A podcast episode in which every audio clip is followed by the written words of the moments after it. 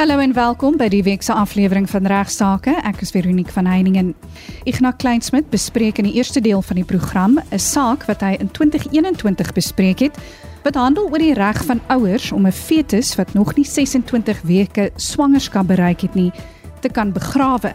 Die kwessie hier is of artikels 18 en 20 van die Wet op Registrasie van Geboortes en Sterftes teenstrydig is met die grondwet. Hy bespreek ook 'n luisteraarsbrief wat handel oor die wet op eiendomspraktisyns, spesifiek oor hoe die nuwe wet lewensreg aftreeoorde raak. Die vraag is moet die ontwikkelaar wie eienaar van die woordiger wat die lewensreg eenheid verkoop ook oor 'n getrouheidsfonds sertifikaat beskik. In die tweede deel van regsaake praat my spesialis Gasreet Oosthuizen oor internasionale verhuising van een ouer met minderjarige kinders.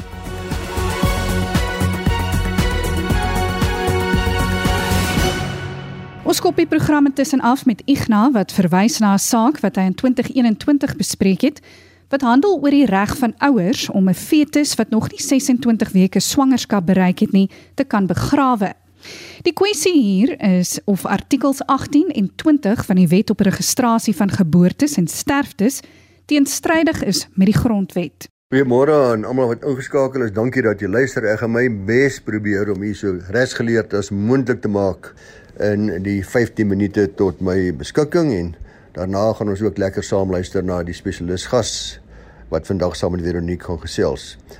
Ek hanteer soms hogeres sake met u en u weet dat dit waarskynlik in die konstitusionele hof gaan land, maar dan is ek redelik seker dat die konstitusionele hof gaan saamstem met die hogeres hof. So het ek met u 'n saak bespreek in 2021, ek kan nie onthou watter dag dit was nie, wat gehandel het oor die reg van ouers om 'n fetus wat nog nie 26 weke swangerskap bereik het nie te begrawe. En een van ons baie knap jong prokureurs hier by Van Velden Duffy Susanne weet dit vir my ek moet sê, maar wag 'n bietjie.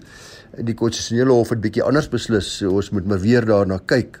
Nou, wat was die kwessie voor die Hooggeregshof in 2021? Die vraag was of artikels 18 en 20 van die Wet op Registrasie van Geboortes en Sterftes, ek noem dit maar die Baadra Wet, of dit teenstrydig is met die Grondwet. En hierdie twee artikels bepaal onder andere dat 'n mediese praktisyn kan 'n sterftesertifikaat uitreik indien 'n baba doodgebore is en dan met so 'n sterftesertifikaat kan mense begrafnis sertifikaat kry. 'n bevel dat jy wel kan begrawe. Uh, artikel 20 bepaal verder dat geen begrafnis mag plaasvind sonder so begrafnisbevel nie. So dis nou waar die mediese praktisyn 'n sertifikaat uitgereik het. Die twispunt nog altyd was dat 'n miskraam van 'n baba en 'n geïnduseerde swangerskap ongelukkig nêrens genoem word in hierdie wet nie. Val nie val hierdie bepalinge uh, nou onder ook miskrame en geïnduseerde swangerskappe of nie. So ouers wat babas verloor op hierdie wyse voor 26 weke kon voorheen nie hulle babas begrawe het nie. Nou voor ek dan nou begin om die hofsaak van die konstitusionele hof se uitspraak te bespreek, ek net eers vir u geheue verfris oor wat die Hooggeregshof toe beslis het, soos ek laas vir u gesê het. Eerstens gesê dat die hierdie regulasies van Badra strydig met die grondwet. Om meer spesifiek te wees, dit strydig met die reg op waardigheid, privaatheid, geloof en gelykheid. Ouers behoort die reg te hê om hulle kinders te begrawe. Al word daar nie gepraat met ander woorde van 'n uh, miskrame of geïnduseerde swangerskappe nie. So die Hooggeregshof het die Badra uitgebrei om ook voorsiening te maak vir begrafnisse van voorlewensvatbare fetusse. Dis voor 26 weke. Want die hof het gesê en ek het daarmee natuurlik saamgestem, my, my regsgevoel was daardeur bevredig en ek is seker u sien ook dat dit die waardigheid van voornemende ouers en hulle pyn bietjie minder sou maak.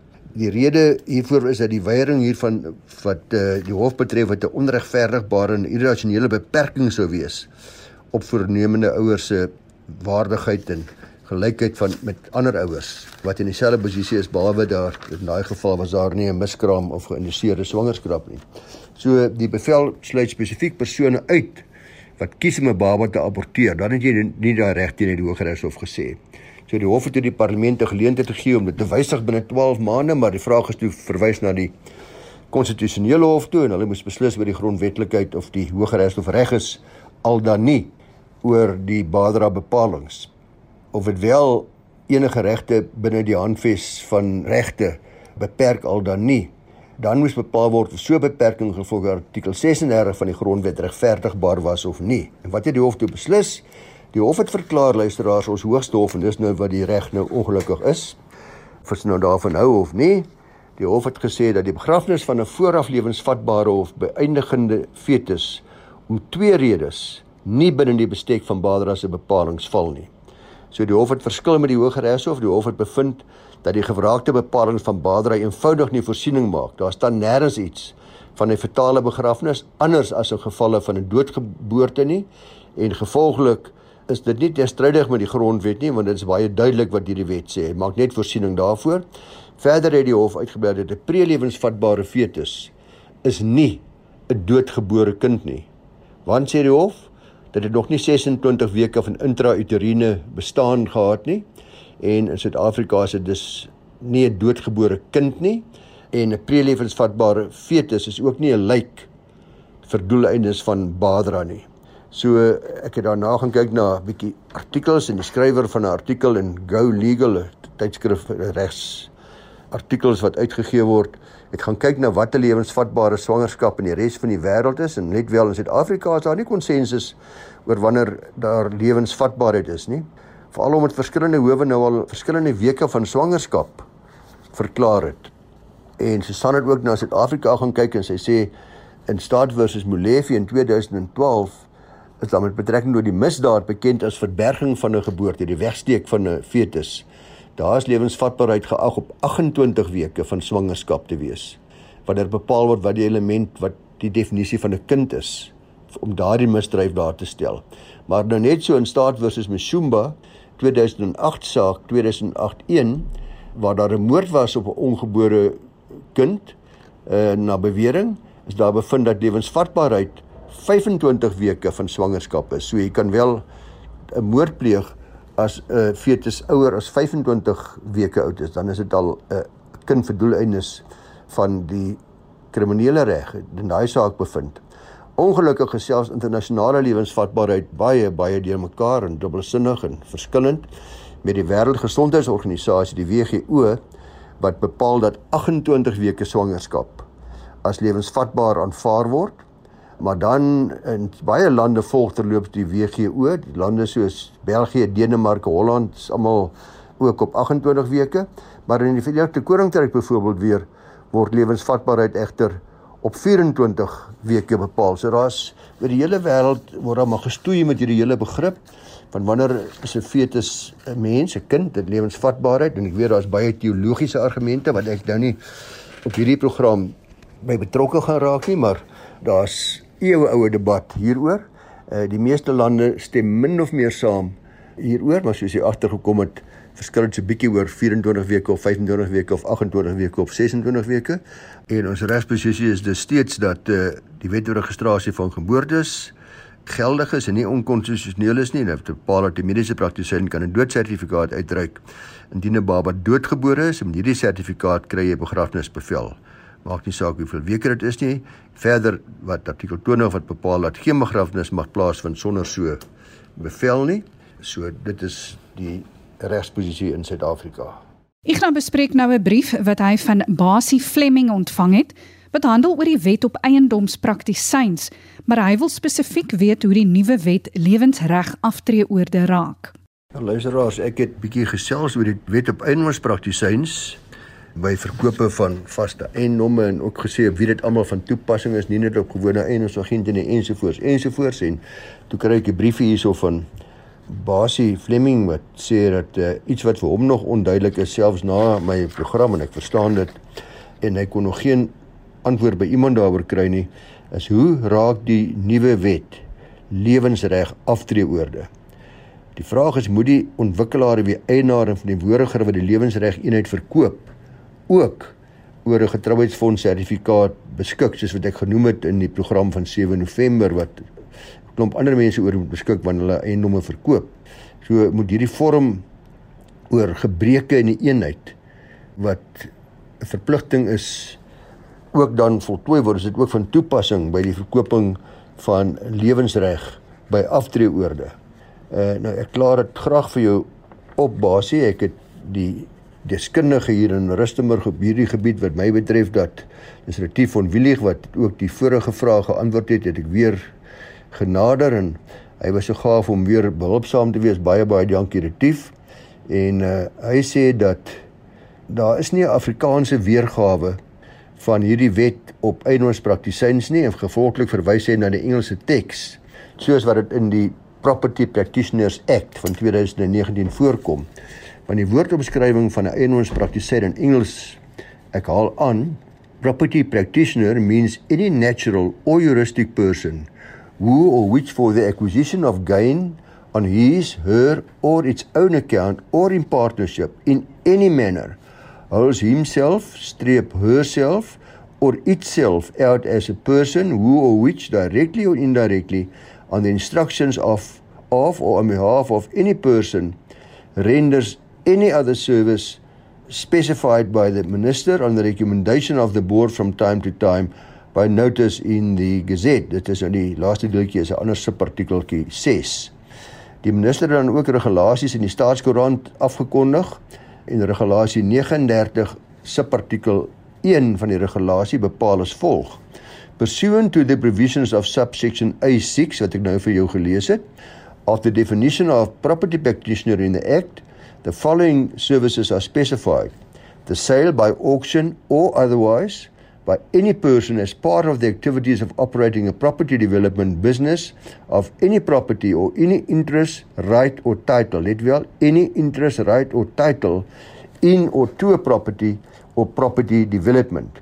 Nou, subclausule B in die woordomskrywing van 'n property practitioner bepaal dan verder it includes any person who sells by auction or otherwise, let wel or otherwise, soos wat in hierdie geval is, or markets or promotes or advertises any part, unit or section of rights or shares in a property or property development. Nou is baie duidelik luisteraars as jy nou hierna kyk dat die verwysings na die wet dat enige persoon wat ook 'n regtitelende belang soos 'n lewensreg in 'n ontwikkeling verkoop as 'n eiendomspraktisyn moet registreer. So die wet is op hom van toepassing. Die persoon of eiendomspraktisyn wat die lewensreg verkoop, sal dus ook verplig wees om 'n foutolys wat by wetgewing voorgeskryf word soos ek in November vir u mooi verduidelik het, volledig te voltooi.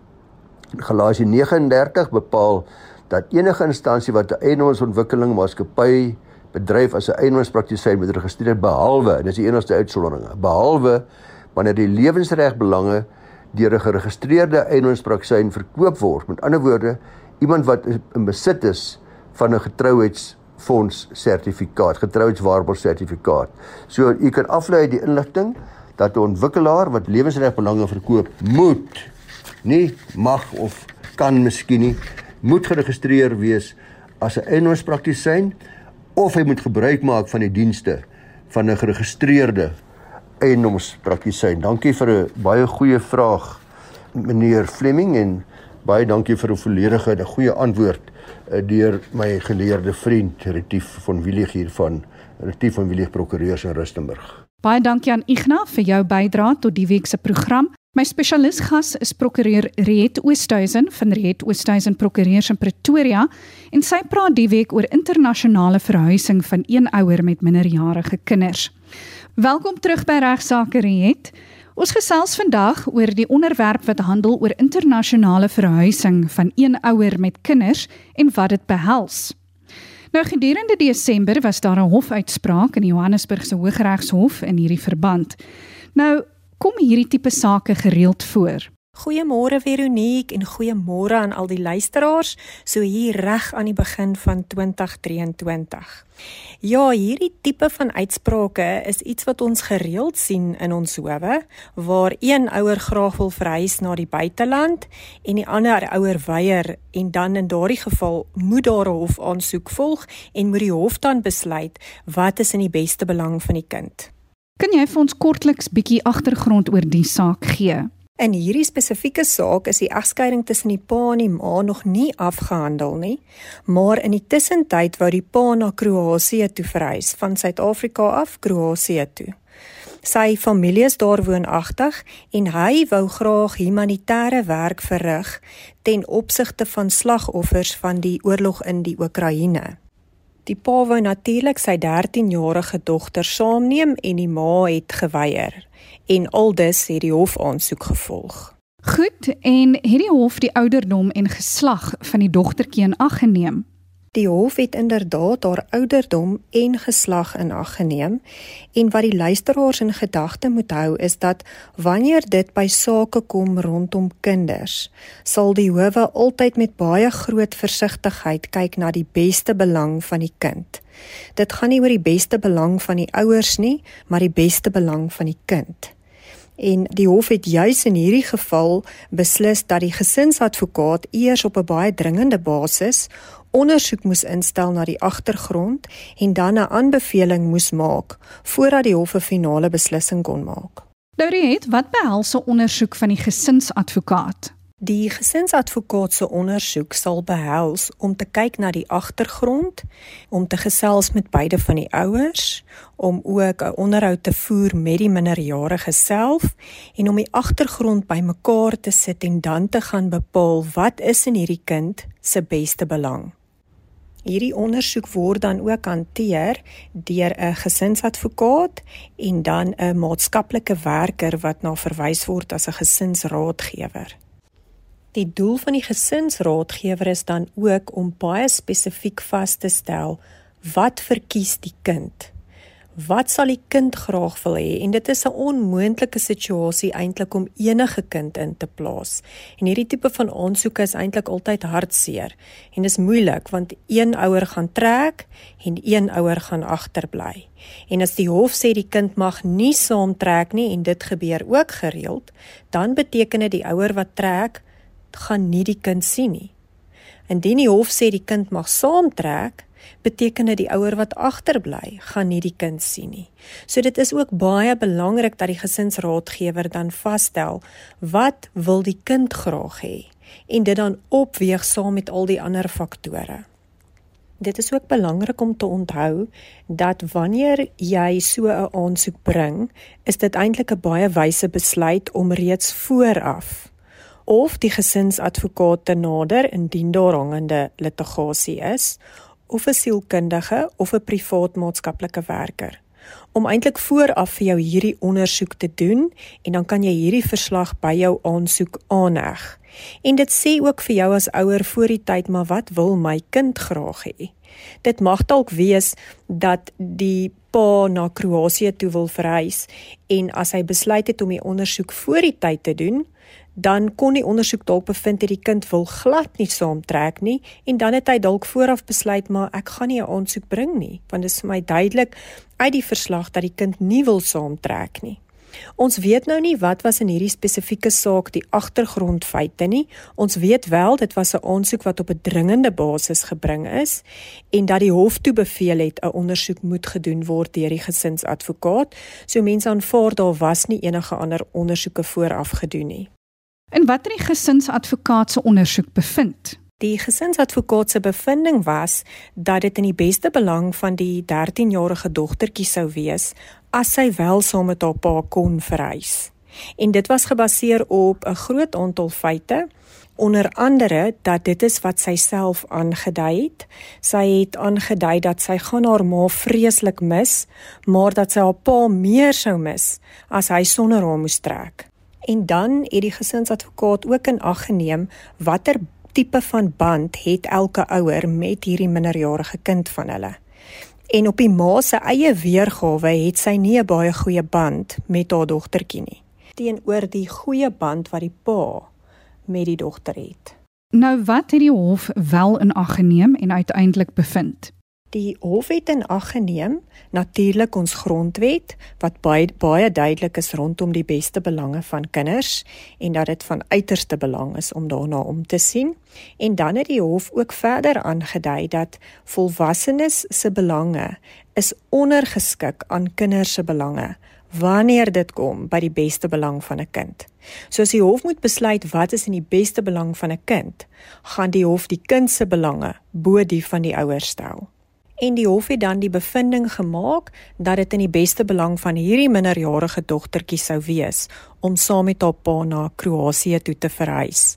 Maar in die uiteindelike bevel het die hof baie mooi in groot detail die ma se kontakregte uiteen gaan sit.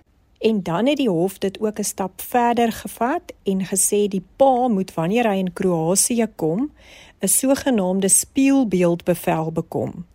Goed, nou Riet, wat is 'n spieelbeeldbevel? 'n Spieelbeeldbevel is wanneer jy 'n hofbevel vat wat in een land uitgereik is en nou verhuis pa mos nou met sy dogter na Kroasie toe. So wanneer hy dan in Kroasie kom, gaan hy die presiese bevel net so daar in die howe in Kroasie ook laat uitreik letterlik woord vir woord. En dis hoekom ons dit 'n spieelbeeld noem. Die Engelse term daarvoor is 'n mirror order. En die gedagte is omdat hy nou met haar verhuis na Kroasie. As hy daar nie gestand doen aan hierdie hofbevel nie, wat bind hom dan daar? Hoe gaan die ma byvoorbeeld haar kontakregte afdwing as hy haar kontakregte beperk daar in Kroasie? Maar wanneer hy so 'n spieelbeeldbevel in Kroasie bekom het, sal dit beteken dat die ma die hof in Kroasie kan nader om die bevel daar ook af te dwing. Die hof het dit selfs nog 'n stap verder gevat en aangedui dat indien die pa dit nie binne 'n sekere tydperk hierdie bevel bekom nie, sal die ma ook die reg hê om die bevel te bekom. Watter tipe kontakregte het die hof vir die ma gegee? Die ma se kontakregte het onder andere bepaal dat sy kry kontakregte elke jaar vir die hele Junie-Julie skoolvakansie in Kroasie en dan kry sy 'n verdere 15 dae skoolvakansietyd of gedurende die Desember vakansie of gedurende die Paasvakansie. En dan verdere kontakregte het ook behels dat sy telefoniese kontak moet hê en video kontak moet hê en dat die pa ook moet verseker dat daar ten alle tye 'n behoorlike internetkonneksie is sodat sy hierdie kontakregte kan uitoefen. Riet, wat is belangrik om in ag te neem indien daar van ons luisteraars is wat dit self oorweeg om internasionaal te verhuis? Met ander woorde, wat moet dan in so 'n hofaansoek vervat word? Die ouer wat die aansoek bring om internasionaal te verhuis, moet baie volledig in sy of haar aansoek handel met onder andere die volgende: Wat is in die beste belang van die kind? Is hierdie land waarheen jy verhuis 'n veilige land? Gaan taal 'n obstruksie wees vir die kind in die nuwe land? In watter woonbuurt beplan jy om te bly en dit sal goed wees as jy byvoorbeeld foto's aanheg en vir die hof kan mooi 'n prentjie gee van hoe dit daar lyk. Het jy 'n infrastruktuur in daardie land? In hierdie geval in hierdie saak het die man se familie in Kroasie gewoon. So sy infrastruktuur is juis in Kroasie. Maar jy moet in jou aansoek kan bewys dat jy het 'n infrastruktuur, jy het hulp as jy vasbrand. Jy moet ook kan bewys in jou aansoek dat jy het 'n inkomste wat jy daar verdien en jy sal na hierdie kind kan omsien met die inkomste wat jy verdien. Jy moet handel met skole. In watter skool beplan jy om die kind in te skryf? Is daar plek in die skool? Watter sport doen jou kind in Suid-Afrika en sal jou kind die geleentheid hê om 'n soortgelyke sport in hierdie nuwe land te kan beoefen? En dan moet jy natuurlik in jou aansoek handel met voorgestelde kontakregte vir die ouer wat agterbly. Jy moet handel met hoe gaan die reis tussen die twee lande geskied? En dit sal afhang van die kind se ouderdom. 'n Kind van 3 jaar kan byvoorbeeld nie alleen vlieg nie. 'n Kind van 13 jaar kan alleen vlieg. So daarmee moet jy handel. Jy moet handel met onderhoud en dan baie belangrik, jy moet ook vir die hof kan uiteensit dat jy het oorweeg wat sal die voordele wees indien die minderjarige in Suid-Afrika agterbly teenoor wat sal die voordele wees as die minderjarige saam met jou trek na die nuwe land toe. So dit alles moet mense in ag neem en behoorlik uiteensit as jy 'n kans wil staan om die hof te kan oortuig dat die minderjarige saam met jou moet kan trek. Dit is ongelukkig alwaarvoor ons die week tyd het. Ek bedank graag weer vir Ignas vir sy bydrae tot vandag se program en vir Riet Oosthuizen van Riet Oosthuizen Prokureurs in Pretoria. Vir enige navrae stuur gerus 'n e-pos na my toe by vero@rsg.co.za of 'n SMS na 45889. Elke SMS kos R1.50. Van my Veronique van Heiningen, groete tot volgende week.